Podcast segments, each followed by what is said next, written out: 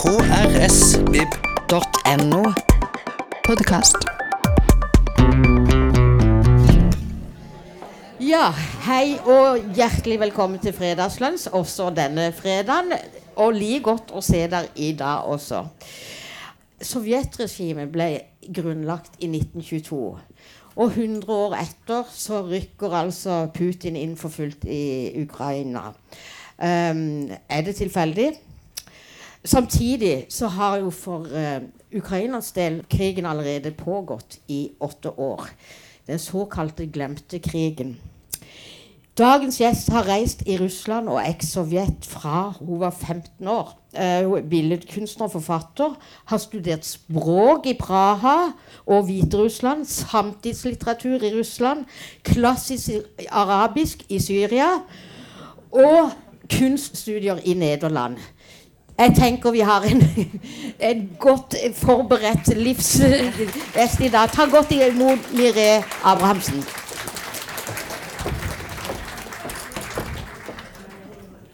Ja, altså Jeg er litt bare først nysgjerrig på eh, altså 15 år når du begynte å reise i Russland og eks-Sovjetlandene.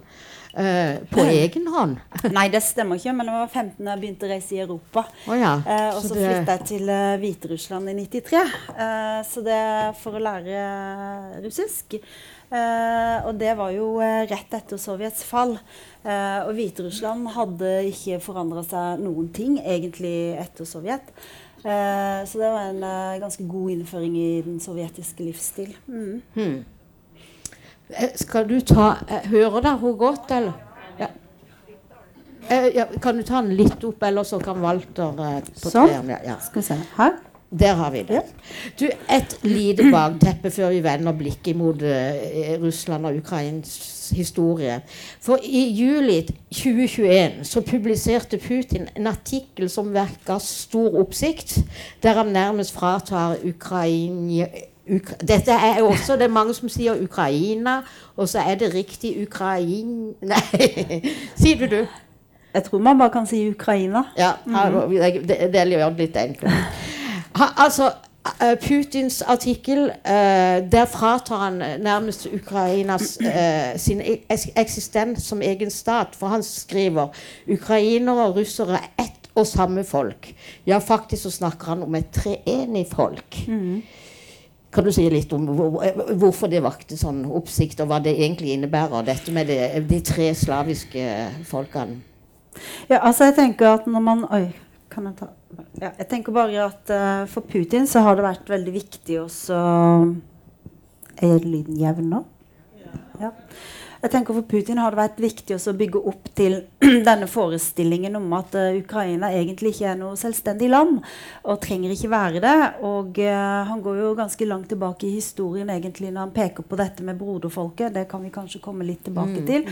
Eh, men det er jo en retorikk som han, han henter motiver i, uh, i historien uh, fra dannelsen av selve Ukraina-Russland. Eh, og eh, det er jo en historie som også er prega av at kirka har på en måte hatt sete først i Kiev osv. Så, videre, og så, videre. så han bruker en del historiske begreper på en måte sånn at han kan rettferdiggjøre en uh, invasjon eller en krig av Russland. Ja, for det, men det han snakker om, er, er jo Nei, ja, Ukraina, mener jeg. Ja, russere, hvite russere og, Og- lille Ja, ikke sant? Fordi man har eh, begrepet det, det store Russland, det lille Russland, altså Hviterussland, Bielarus. Mm. Uh, Biela betyr uh, hvit på russisk. Mm. Eh, og i denne glade treenigheten ser eh, Putin da på Russland som en helt naturlig herre, da. mm, mm. Dette er, jo, dette, er jo, dette er jo tre slaviske eh, folkeslag som hører til den østslaviske grenen. ikke sant? For vi deler jo slavere opp i østslavere, vestslavere, eh, som er da Tsjekkia, Polen osv., og så sørslavere, som er tidligere Jugoslavia osv. Mm. Eh, og det finnes eh, f.eks. Eh, det, det språklige slektskapet. Hvis du ser på Russland, Ukraina, Hviterussland, så er eh, språka veldig, veldig like. Eh, Mm, mm. Ja, eller det, da, mens vi bare tar det språket. For det, jeg, leste en uh, artikkel av en av våre fremste uh, historikere på, på, dette, Halvor Kjønn. Og han uh, sa noe om at, at mens det hevdes at ukrainsk og russisk er veldig likt, så sa han avstanden er vel nærmest like stort som norsk og nederlandsk. Hva sier du til det som kjenner både nederlandsk og, og Jeg tenker at det er nesten nærmere. Jeg vil kanskje si at det er noe som norsk-svensk. Uh, Såpass, ja. Eh, det er veldig, veldig nærme. Okay. Ja. Men altså Alt med disse rikene som har vært Det har jo vært litt ulike riker. Vi starter i, i Kiev. Mm. Alle russiske byers mor, mm. ikke sant? Mm. Ja. Så øh, Ja, vi, vi, må bare ta det litt øh, For altså Rike øh, begynner med Kiev. Men, mm. men president Zelenskyj talte til Stortinget denne uka. Ikke uten grunn så nevner han jo da vikingene. Mm. For det er vel egentlig skandinavere som har grunnlagt Kiev? Ja, fordi at uh, på 800-tallet Eh, da fantes jo ikke disse nasjonalstatene. Da kom varjagene, altså vikingene, de kom seilende nedover elvene. Eh, og eh, de grunnla da Kiev-riket. og Novgorod Det var Rjurik som grunnla Novgorod. Og så var det Aljeg, en viking kalt Aljeg, som grunnla Kiev. Uh, det fantes ikke noe altså, Da var det på en måte Det var ikke noe grense, grense her da mellom Russland og Ukraina. Men det var Kiev som da var sentrum. Uh, det ble både det åndelige sentrum og det var maktsentrum. Uh, og Kiev hadde den posisjonen ganske lenge, men ble etter hvert prega av indre stridigheter. og så kom da mongolene på 1200-tallet. Uh, og da, da, etter hvert så flytta maktbalansen seg over til Moskva. Ja, For de jevna vel nærmest Kiev med jorda? Ja, ja, ja. Uh, mm. uh, ja.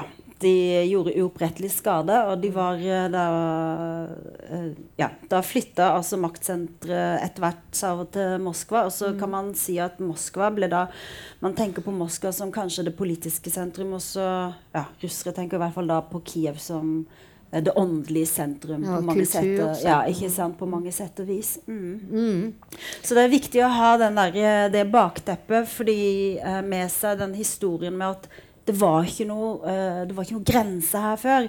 Så når Putin snakker om broderfolket, og dette er ett land, det er en nasjon, så viser han mye til denne perioden her, da. Ja, ikke sant. Mm. Ja. Uh, men altså, da, da, må jeg jo bare si For det, nå har jeg både lest artikler og bøker og sett dokumentarer. jeg vet ikke.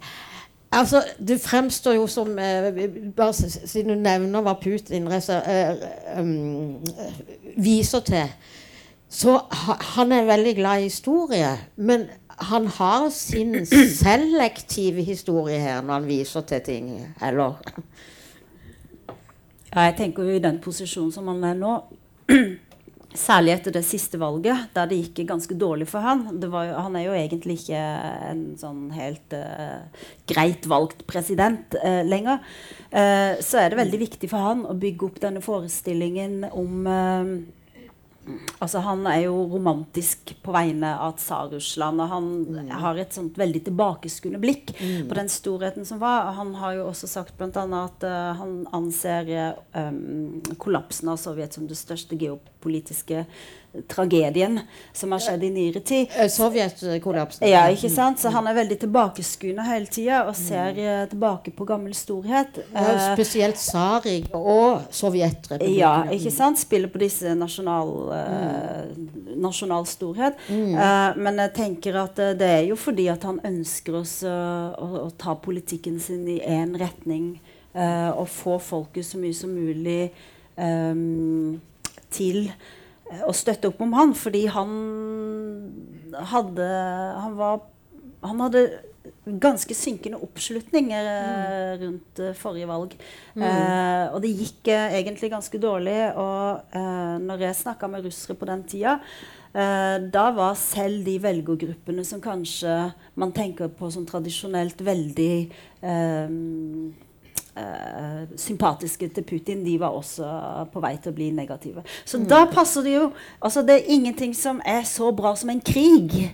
Nei, Så det er flott hvis du trenger litt oppslutning. Mm. Ja, for det har han vært god på, egentlig. Han har jo kriga en god del. Han er helt fantastisk på krig, for Putin hadde faktisk aldri tapt en krig.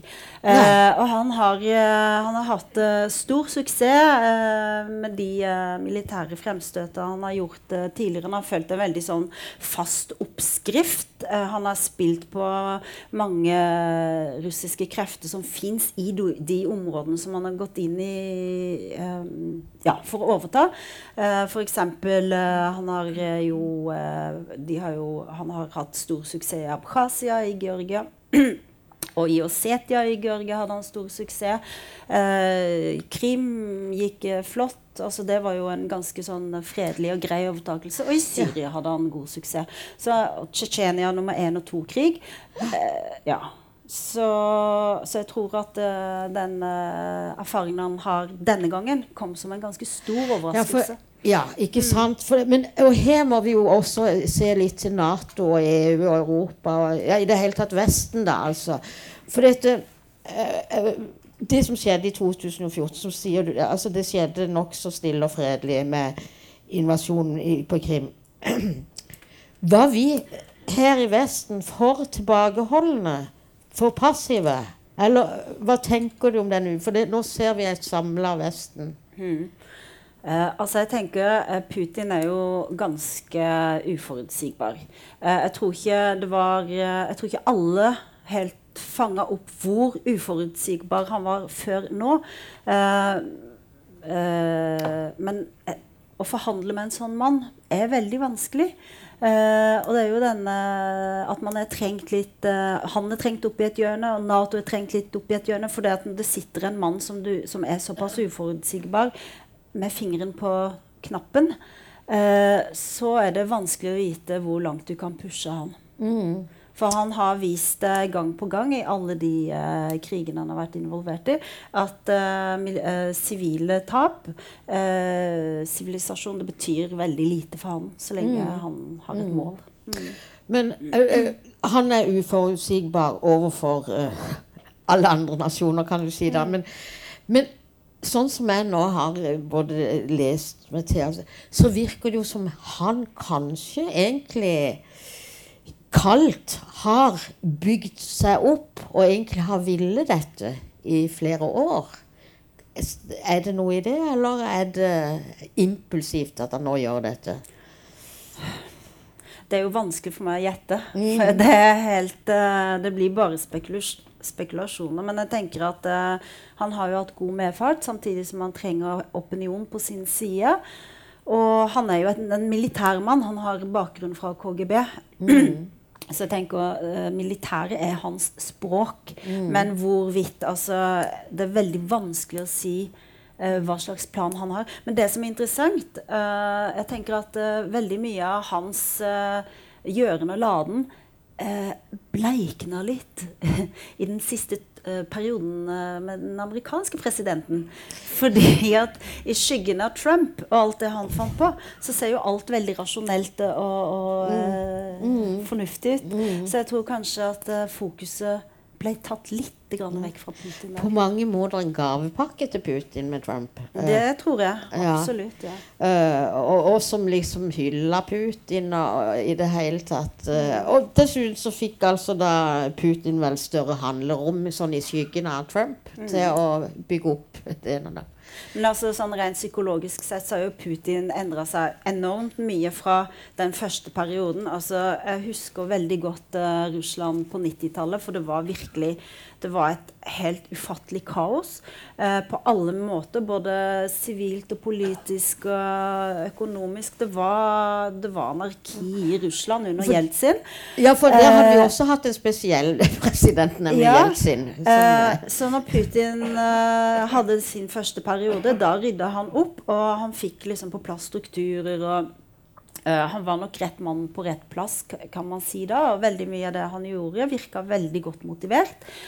Eh, og, og folk ble jo veldig glade fordi han rydda opp og, og fikk satt skapet på plass. eh, det sivile samfunn begynte å virke igjen.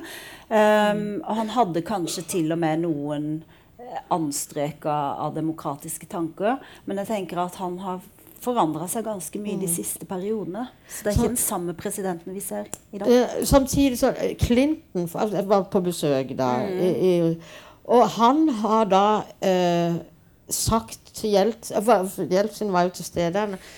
Fordi at han, eh, Det virka nærmest ikke som Putin brydde seg noe om denne amerikanske presidenten. Han var liksom ikke så veldig imøtekommende. og sånn. Så Clinton sa til Jeltsin hadde vist seg, ifølge hans nære medarbeidere, at Putin er ingen demokrat. Ok, ja. Det har ikke jeg fått med meg. Det kan, det kan jo stemme at han har observert det. Eh, men det var vel egentlig Jeltsin som sørga for oss å peke ut eh, Putin som sin eh, etterkommer. Absolutt. Så, Absolutt. Så, han altså, var jeg tipper at eh, det kan godt være at han ikke har anerkjent at det fins så mye demokratisk eh, spill i han, men at han likevel kanskje var den mannen som trengtes for å rydde opp. Ja. Eh, fordi at demokrati er jo ikke noe fyndord i Russland. Eh, det er mange som eh, nærmest spytter ut det ordet, eh, og det er ikke noe nytt. Det tror jeg kanskje både er en arv fra sovjettida, eh, men det var veldig mange russere som da på 90-tallet fikk vite nå er vi endelig kvitt eh, Sovjet, hurra. Men så var det ikke Det var veldig mange som ikke syntes det var så mye å juble for. Eh, og de første, det første tiåret med erfaringer, det viste jo at eh, demokrati betydde i Altså i virkeligheten for eh, de vanlige menneskene, da, eh, var demokrati en katastrofe på mange sett og vis. Mm. s- de trodde at eh, dette kaoset var ensbetydende med demokrati. ja, Eh, mm. Nettopp. Og eh, ja, russere etter en så lang periode som fra 1922 er, Det eneste de kjenner til, er, kjente til, da, var vel egentlig det å bli styrt. Ja, og selv før det så tenker jeg det var ikke noe dans på roser under tsarregimet og sånn. Så eh, russere har en lang tradisjon med sterke menn. Eh, og det fins jo en sånn forestilling i Russland at eh, vi kan ikke ha demokrati. Vi trenger en sterk mann. Eh, vi russere kan ikke styre oss sjøl. Så det er en sånn eh, det er et litt sånn eh, kjempeversjon av Stockholm-syndromet, kanskje. Ja.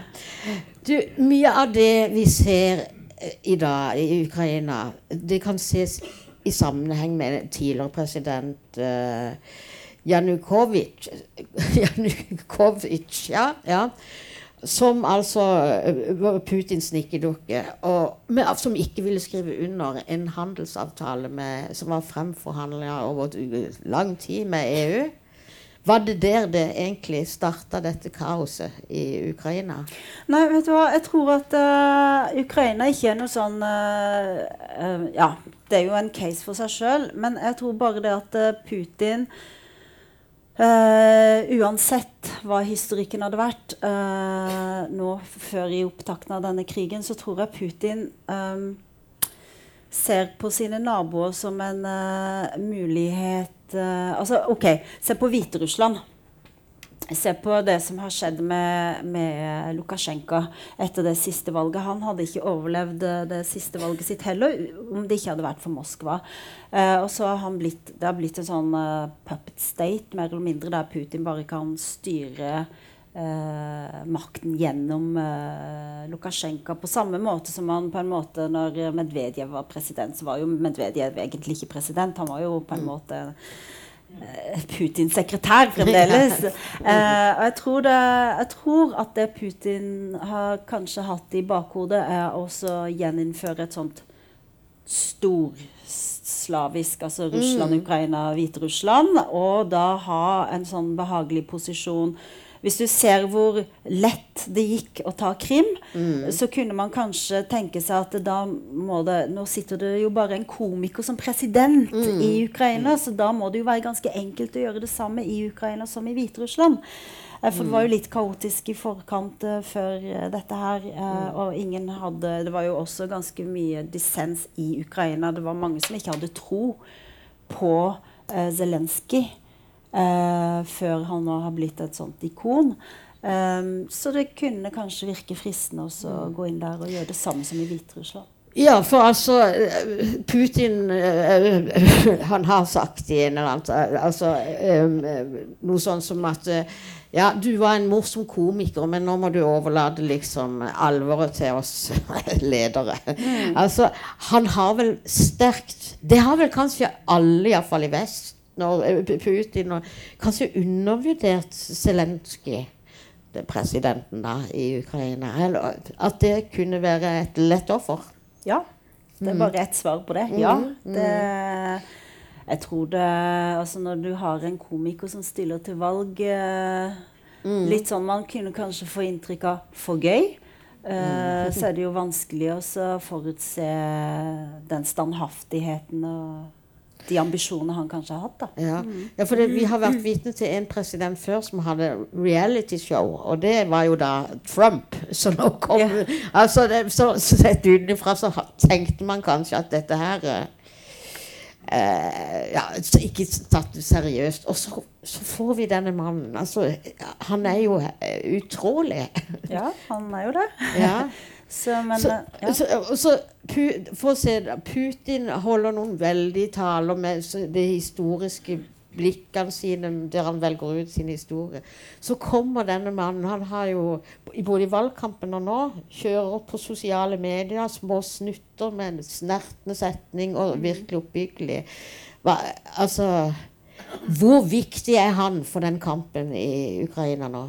Altså, når han eh, litt tidlig i den krigen fikk tilbud om å ta, ta, fly ut av Ukraina ja. for å komme seg i sikkerhet, så tror jeg han gjorde eh, det eneste rette. Hvis han hadde da tatt det flyet ut, så tror jeg overhodet ikke at motivasjonen Jeg tror ikke han kunne hatt en sånn rolle. Nei, for, eh, for, da hadde han mista kredibilitet på mange mm. sett og vis. ikke mm. sant? Mm.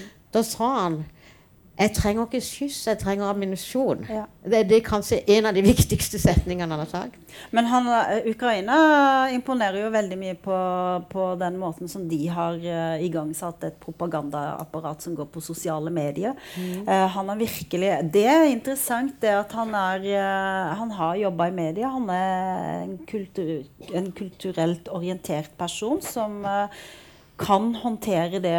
Altså, han er jo skuespiller. det det skjønner du jo mm. når du ser på fremtoningen hans. Det er jo han og Putin i dette her propagandaapparatet, det er jo yin og yang.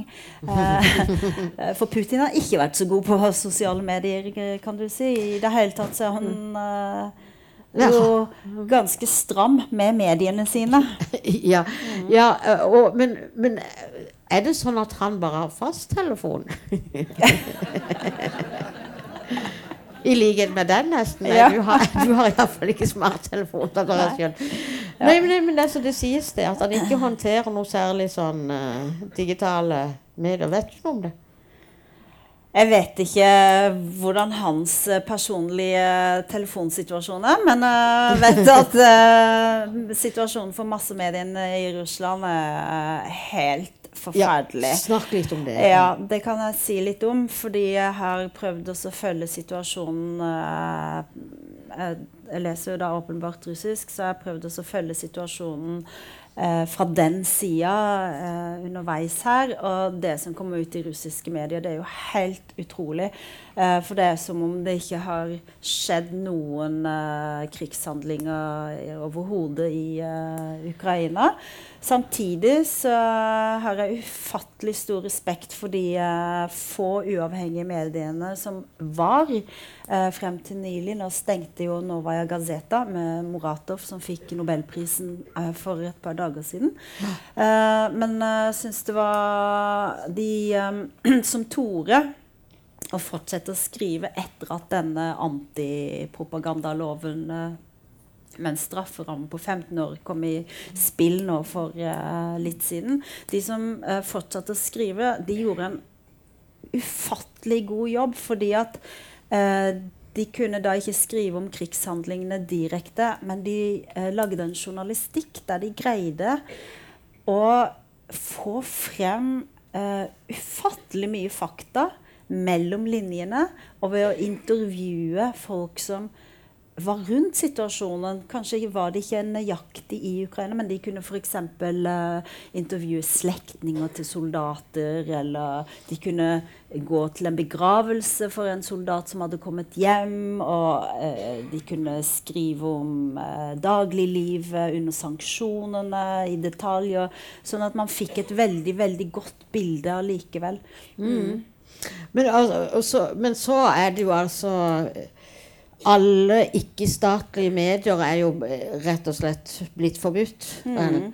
Uh, jeg, jeg leste litt om en TV-kanal som som uh, Altså, de gikk fra å være offentlig, men, men så ulov, ulovlig gjennom kabelverket, så da måtte de lagde de en betalingsmur, så funka det litt. Og så måtte en gå til YouTube. Ja. Nå er det jo veldig mange av de som er stengt ned, både avisredaksjoner og tidligere TV-kanaler, som har oppretta sine egne YouTube-kanaler.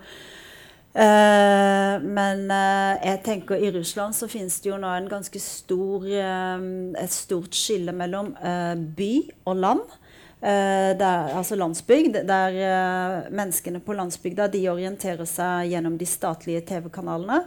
Uh, så det er ett sånt skille. mens de i byen, gjerne unge mennesker, de orienterer seg mye via sosiale medier. De har måter å omgå internettbegrensningene på osv. Uh, og så har du den andre skillelinja som går uh, mellom generasjoner. Mm. Uh, de yngre de er mye mer åpne for å høre den andre sida. De er på sosiale medier, de bruker Telegram, som ikke er stengt ned, for Facebook, altså alle de der metaproduktene. Ja, Facebook, mm. Instagram, det er stengt, og mm. TikTok har stengt sjøl mm. tilgang. Så det er vanskelig å få alternativ informasjon. Men de eldre de er ikke flinke til å orientere seg på den måten. Så du har det skillet i befolkningen nå. Um, mm. Så, så, det vil vel vil det si at et eldre menneske som bor på landsbygda, vil være en veldig pro-Putin? Uh, tilhenger. Ja. Sannsynligvis. Mm. Uh, nå viser jo statistikker som er troverdige, at to tredjedeler, to tredjedeler av russerne de er for krigen. De syns dette her er helt fortreffelig. Uh, mm. Og så kan man tenke seg at det var mye, men da er det fremdeles en tredjedel som ikke syns det er bra, og det er òg ganske mye i et klima der man ikke har lov til å uttrykke seg. Så snakker vi om ca. 140 millioner? Ja, de er, de jeg tror de er 146 millioner ja. i den siste folketellinga. Vi nærmer oss 50 millioner som ikke tror det, altså. Mm. Mm. Uh, men, men, altså, du sier Altså sånn som TikTok sier de stengte ned sjøl. Mm. Så kan man spørre de gjør sine vurderinger. Er det lurt, eller er det ikke? Altså, de, de, de, sørger jo for at folk ikke kan kommunisere. Ja, det er jo et tvegassverd. Mm. Det er det jo absolutt. Da, det som blir igjen, det er jo Putins eh, propagandamaskineri, som er mm. helt fantastisk. Mm. Uh, og nå leste jeg nettopp på, så jeg tror det var 300 millioner kroner, eller rubler eller dollar, Beklager, jeg fikk ikke med meg valutaenheten. Men i alle fall, de setter inn noe helt enormt med penger for å drive med propagandaarbeid i skolen. Ikke sant? De vet hvor de skal gå på for å få det fra bunnen av. Da gjør de grundig, uh, myndighetene. Og det fins en sånn liste. Uh, sånn midt i krigen så samla de alle lærerne på alle skolene. Der fikk de informasjon om hva de hadde lov til å si når barna spurte om ting. Eh, og da kom det også ut et langt skriv om eh, hvordan skal vi snakke om spesialoperasjonen. Ikke krigen, selvfølgelig. Hva skal vi svare? Mm. Hva får barna lov til å si? Osv. Eh, og, og barn blir straffa akkurat like hardt som, eh, som, foreldre, holdt jeg på å si. Fordi jeg leste et eksempel i Moscow Times der en uh, liten gutt uh, fjerde-femteklassing, hadde spurt læreren sin uh, uh, hvorfor er vi i Ukraina. Det var et sånn type helt uskyldig spørsmål. Og da, uh, da gikk det en dag eller to, og da sto da politiet i leiligheten deres. Da, de har jo igangsatt sånn god gammeldagse husransakelse, som var en sånn utbredt eh, kutyme i Sovjet også. Så da gikk de på husbesøk til den lille gutten mens mammaen var på, på jobben. Og når han, ikke, han ville ikke åpne døra, så ganske klok liten gutt, nei, da skrudde de av strømmen. Så, så det er liksom Det er skrekk, skrekk og gru. Du, s- ja. Ja, eh, men eh, for dette du sier nå om at de pøser på med midler for uh, å få inn i den Det minner jo veldig om det gamle sovjetregimet, med propaganda inn i skolen om det store, gode russiske riket, liksom. Men jeg har jo ganske stort håp til det folket. fordi at de har, vi skal huske på at de har levd med propaganda i veldig veldig mange år. Og de kom seg greit ut av det Ja, greit, altså De greide de, de. I sånne regimer så oppstår det en kultur for å lese mellom linjene. Ja. Og jeg tenker det at um, Ofte så gir man de den behagelige unnskyldningen at eh, de er sikkert for krigen fordi at de vet ikke bedre. For de, vet, ja, de får jo bare nyheter gjennom sensurerte kanaler. Men de vet jo at de er sensurerte. Så, Men jeg tenker at det er veldig krevende å være offentlig mot den krigen nå.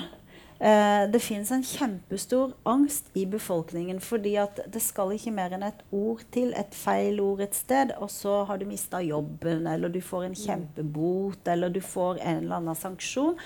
Eh, sånn at jeg tror at eh, folk er også redde for oss å snakke ut. Allikevel så har det jo vært demonstrasjoner. Det har vært demonstrasjoner, og det er vel uh, 10 000 kanskje som har vært innom en celle eh, siden krigen begynte rundt der. Um, men det er jo ikke demonstrasjoner som står i, i forhold til det man kanskje kunne tenke seg hvis det var ytringsfrihet. Eh, hvis folk har vært ute med noen plakater og blitt arrestert. Det rareste synet var vel han som sto med et hvitt ark Ja. og ble arrestert. Ja. Eh, og russere er jo veldig eh, oppfinnsomme på dette her, så eh, det var en eh, Nå har de jo eh, De har fått problemer med banksystemet sitt pga. Med- Med banksystemet Ja. sitt pga. sanksjoner og sånn. Så nå har de eh, kanalisert alt over på sitt eget banksystem, og da får du et bankkort der det står MIR på forsida. Det betyr fred. Det er liksom navnet på systemet. Og da var det en fyr som fikk den ideen at nå stiller jeg meg på utsida av metrostasjonen her, og så holder jeg opp bankkortet mitt. Det er min demonstrasjon. Og det var veldig morsomt, for når politiet kom da, så var de veldig usikre på hvordan skal vi ta for oss denne karen her. For det er jo tross alt vårt nye, flotte russiske bankkort. Ja. Ja, ja ikke sant? Og eh, Jeg, jeg synes det jeg så en reportasje eh, der man også skrev budskap på pengesedler. For den, eh, de- den kan de faktisk ikke gjøre noe med, for det er lovlig å trans eh, å, ja, med, med pengetransaksjon, altså kjøpe betale. Mm. Og det er ingen som vet er avsenderen, så da er det sånn budskap der. Ja, og så har de sånn mikroprotester. De lager sånn bitte, bitte små leirefigurer som de kanskje tegner et sånt fredstegn på, eller noe sånt, og så setter de det rundt i byen på sånn kjempesmå, unnselige plasser. Eh, det er en ganske morsom protest. Men altså, akkurat det der med hvordan eh, de reagerer på krigen, det syns jeg er kjempeinteressant. fordi når jeg kommuniserer med mine venner nå, Ja. f.eks. i Russland, så vet jeg jo det at jeg kan ikke skrive 'hvordan går det nå under krigen', eller jeg kan ikke nevne noe sånn eh, som kan sette de i en dårlig situasjon. Fordi at eh, altså alle sosiale medier Man kan bare utlede at sosiale medier, mailer osv. de blir silt. Ehm, eh, sånn at eh, vi kan ikke diskutere eh, de faktiske ting. Så vi må hele tida snakke rundt grøten. Eh, men jeg har en venninne som, eh, i Moskva som, eh, som er veldig oppegående. Og hun var ikke redd for å skrive ordet 'krig' i, i mailen sin. Men hennes reaksjon den syns jeg var veldig talende. Uh, hun løfta liksom hele situasjonen med krig og lidelse over på en sånn mm, overordna filosofisk tankegang om at krig har alltid funnes. Menneskekrig kriger alltid mot hverandre. Altså, jeg oppfatter det som en sånn eh, måte å distansere seg fra situasjonen, gitt opp på en måte. Mm. Men, og- men i det hele tatt så, Du har, du har eh, mange venner i Russland. Ja, det har jeg. Eh, Hvor, hvordan ser de på dette?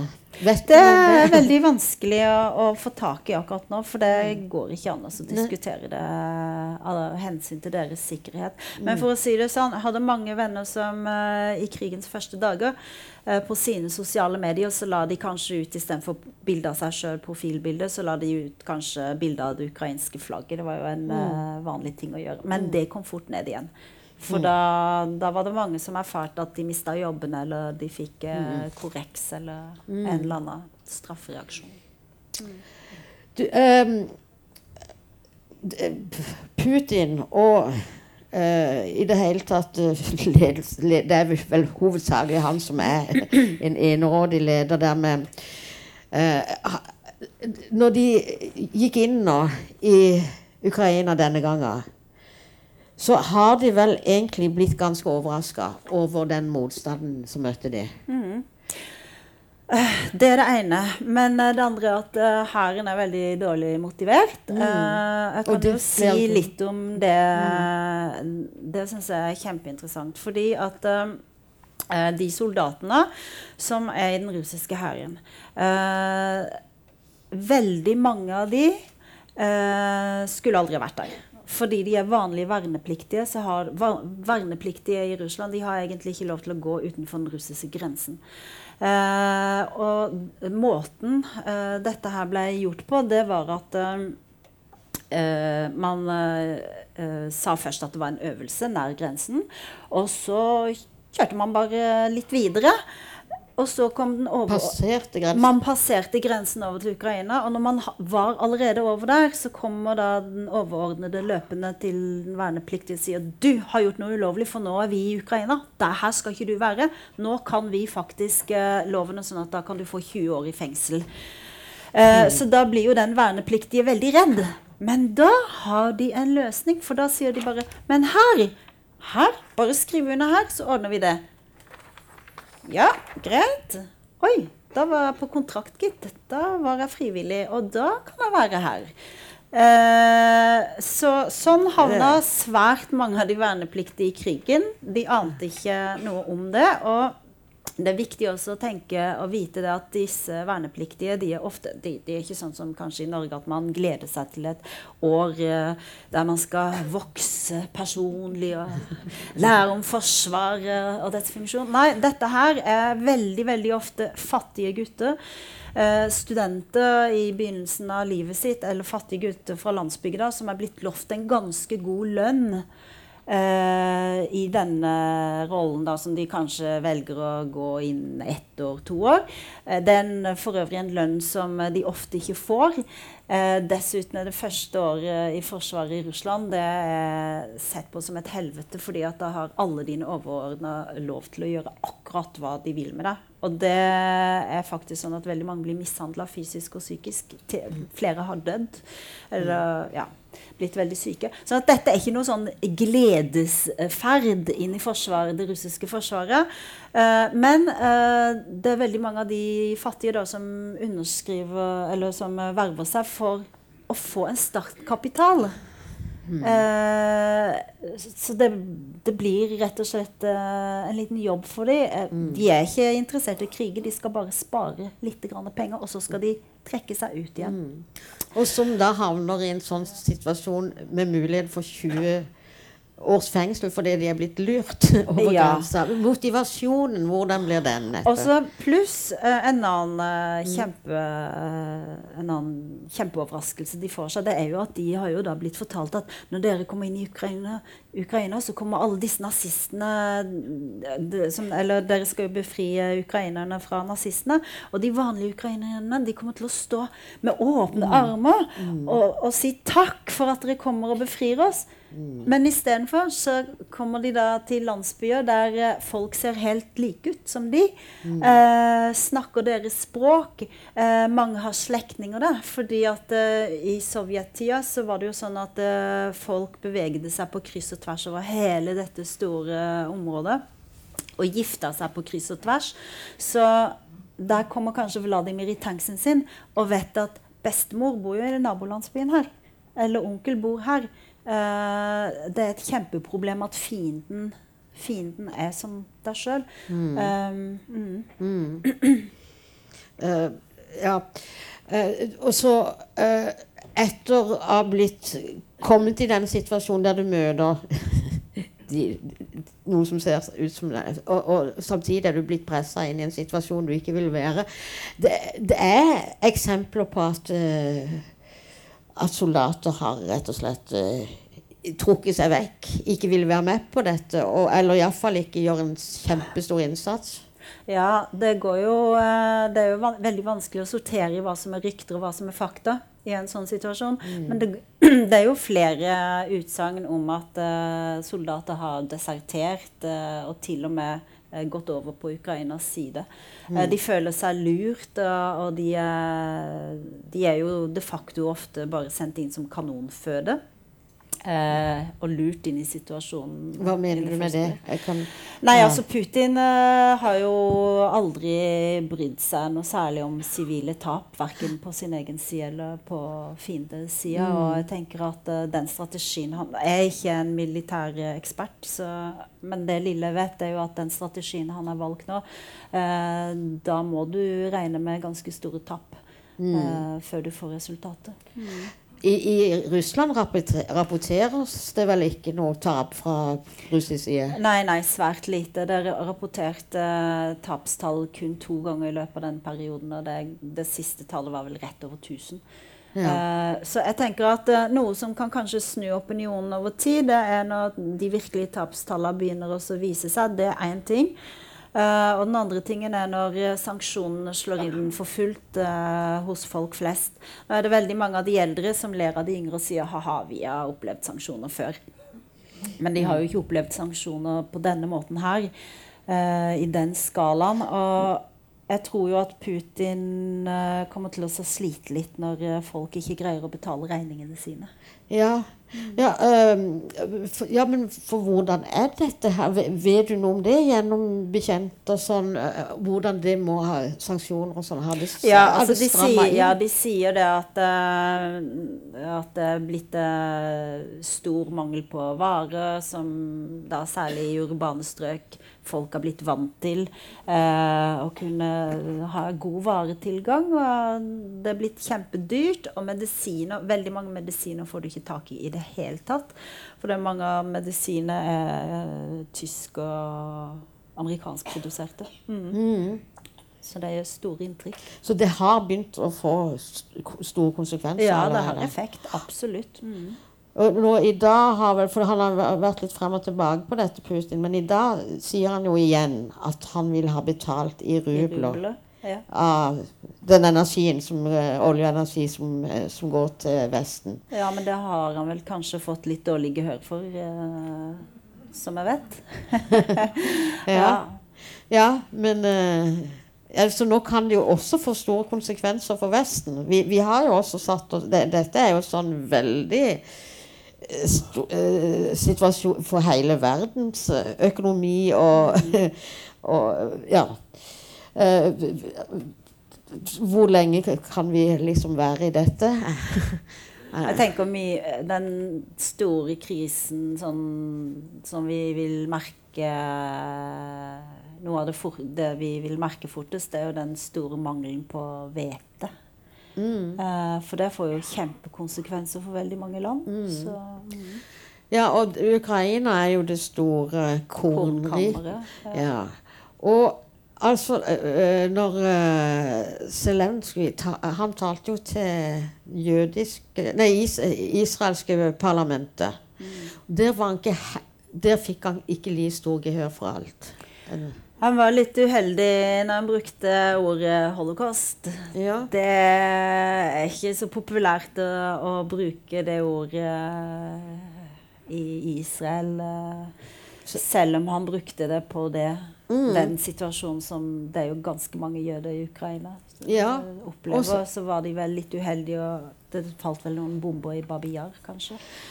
Ja, men, men altså Samtidig så er det vel sånn at uh, foruten holocaust så var Ukrainas situasjon på 1930-tallet under Stalin det som kommer nærmest det. Mm, Holodomor. Hæ? Tenker du på uh, når- sultekatastrofen? Yep. Ja. Mm. Ja, nei eh, Det var jo eh, en ganske bevisst eh, politikk fra Stalin, tenker jeg vi kan si. Som, men hva tenkte du i forhold til Nei, nei, bare altså, Den ble jo omtalt som det nærmeste du kommer til holocaust. Og, og, og det er um, at u- for Dette står sterkt i da, bevisstheten i dagens Ukraina. Altså den enorme sultkatastrofen fordi at mm. Stalin eh, tok alle kornreservene. Mm, mm. Ja. Ja, men um, rett og slett så begynner vi å nærme oss uh, slutten. Altså uh, eh, Men du, jeg har hørt deg si det at Russland er egentlig mer eh, asiatisk enn europeisk. Ja, det var ikke meg som sa det. Jeg tror det var Brodsky uh, som sa det. Uh, hvis jeg ikke tar helt feil. Jeg skal være litt forsiktig med det. Eh, men ja.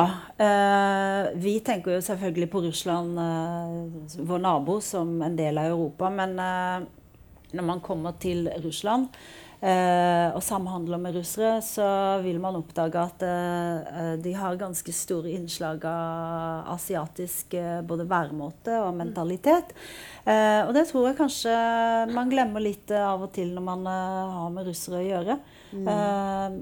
men ja, absolutt. Og jeg tror også russere ser på seg sjøl. De er jo Altså Russere har jo en sånn oppfatning om at de er noe helt eget noe for seg sjøl. Verken asiatisk eller eh, europeisk. Og den følelsen å være noe helt spesielt for seg sjøl tror jeg blir veldig konsolidert i denne eh, atmosfæren der Vesten er jo nå virkelig grundig omtalt som et dekadent, eh, f eh, fryktelig upålitelig område som man for all del ikke bør assosiere seg med. Og så får jo Putin også kjempegod drahjelp av den ortodokse kirken, ikke sant? Med Kirill, ja. ja, patriarken i Moskva, Kirill, han har jo vært helt strålende når det gjelder også, å piske opp de der eh, konservative stemningene og denne følelsen av at vi må tilbake til Tsar-Russland. Han snakker jo også om dette. Både han og Putin har en sånn mytisk De bygger opp en sånn mytisk forestilling om det åndelige Stor-Russland. Og inn i dette Stor-Russland så inngår jo da Ukraina ikke sant, som en del av denne enheten. Uh, og han har til og med greid også si at uh, noe av årsaken til denne krigen i Ukraina det handler om at ukrainerne har blitt så vestlige, så perverterte og dekadente. Så de har til og med hatt gay parades. Så det er pga. denne LGBT pluss-bevegelsen at uh, de har fått denne krigen. Så det På grunn av Vestens umoral. på grunn av Vestens umoral, ikke sant? Det er forfall. Så. Så, og han støtte, Putin fikk jo innført en lov om homofili, gjorde han ikke det? Altså, det er ikke ulovlig å være homofil i Russland, men det er lo ulovlig å drive homofil propaganda. Og da er det jo igjen ikke sant, Det skal ganske lite til før man kan uh, sette den merkelappen på, på noe at det er propaganda. Det skal bare et lite bilde til i sosiale medier, f.eks. Og dette Så- er etter Kirill sitt hjerte. Ja, ja, ja. Dette her er helt strålende. Så, og det, men man ser på lovgivningen i Russland de siste åra, så har alt blitt veldig, veldig konservativt. Eh, for noen år siden, jeg tror det var i 2015 ikke siter meg på det, ikke helt sikker på årstallet, men da var jo eh, Da tok man også bort eh, den paragrafen som gjorde det ulovlig å slå sin partner. Eh, det man kunne godt slå så lenge, ikke, altså så lenge man ikke blødde eller fikk eh, bruddskader osv. eh, Så man kunne godt tukte ektefellen litt. Eh, og da var det jo eh, Da var det faktisk en kvinne som fremma det det lovforslaget i Dumaen. Jaha. Og da har man det resultatet at selv eh, positivt innstilte politifolk eh, på stasjonen, som gjerne vil hjelpe den som kommer for å anmelde at du har blitt eh, fillerista hjemme Sorry, vi, har ikke noen paragrafer. Vi kan ikke hjelpe deg. Du må gå hjem og, og, og snakke Snakke dette i havn. Eller sørge for at det blir skikkelig blodig. Ja. Så det er liksom Jeg bare syns at eh, det viser litt den der eh, viljen til vold, da. Viljen til å så temme en situasjon ved liksom voldsspråk. Maktspråk, ikke sant? Eh, Putin har vel gjentatte ganger og, flere år sagt at han aldri vil gå inn og forandre Grunnloven, men han har fått til noen grunnlovstillegg nå, som jo fikk stor såkalt oppslutning eh, når folket skulle godkjenne det. Det gikk igjennom. Så nå kan han altså sitte til 2036. 36, ja. Det er en lys framtid. Ja. Altså For å si det sånn uh, Jeg ville nok ikke brukt det ordet diktator uh, når han var president den første perioden, men jeg tenker at det er et ord som faller ganske naturlig i dag, sånn som det ser ut. Og han har jo til og med foreslått nå eller ikke han personlig, kanskje, men eh, de snakker nå i Russland om å lage sitt eh, Koble seg av verdensveven. Eh, koble seg av internett og lage sitt eget russiske intranett. Så det er, det er liksom helt eh, Da er det sånn Låse døra og spise nøkkelen. Ja. Ja. Altså Fjorårets fredsprisvinner, den russiske journalisten eh, Dmitrij Muratov, han sa i Oslo at den beste motgiften mot krigspropaganda og Putin-regimet er en uavhengig presse. Nå er den motgiften helt borte, så å si. Hvordan ser du på Jeg har jo stort, eh, har stor tro på, på russernes uh, evner til å så, ja, komme tilbake i rettssporet igjen. Og det er jo veldig mange russere som har forlatt eh, Russland nå. Eh, de opplever en kjempeflukt av ja, brain drain, kan vi vel kanskje kalle det. Med russere som har reist dit i, som det fremdeles gikk fly. Nå stengte tog eh, eh, jernbanen Forbindelsen til Finland den stengte for noen dager siden, for dit var det en del russere som kom. Men eh, det er veldig mange som har eh, reist til tidligere sovjetstater der de ikke har visaproblemer, som f.eks. Kirgis Kirgistan, Armenia, Aserbajdsjan. Eh, og noen som har litt flere penger, de har reist langt, som f.eks. til Dubai, Egypt og Tyrkia. Og der sitter det nå veldig veldig mange russere og venter på at denne krigen skal ta slutt. Men veldig mange av de venter på at Putin skal uh, ikke være president lenger. Og uh, mange av de har lyst til å bygge opp Russland på en ny måte. Reise tilbake etter hvert. Ma mange mener at Putin-regimet er ikke over før han dør, nærmest. At han kommer til å si det. Så det ja. Men du ga oss et lite håp her på slutten. Det er positiv vilje blant russere, som også har dratt utenlands da. Og de kan mye om koder. Og ja, kjenner jo egentlig regimet. Så, så vi lever med det håpet, kan vi ikke si det? Det er viktig å ha håp. Ja, Og du har håp Jeg har for håp. Russland. Jeg har det. Ja. Tusen takk for at dere kom. Ikke minst tusen takk for at du ville komme, Mire Abrahamsen. Og riktig god helg.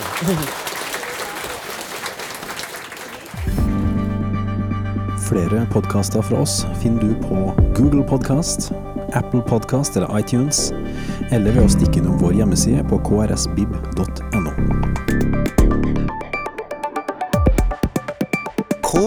krsbib.no. Podkast.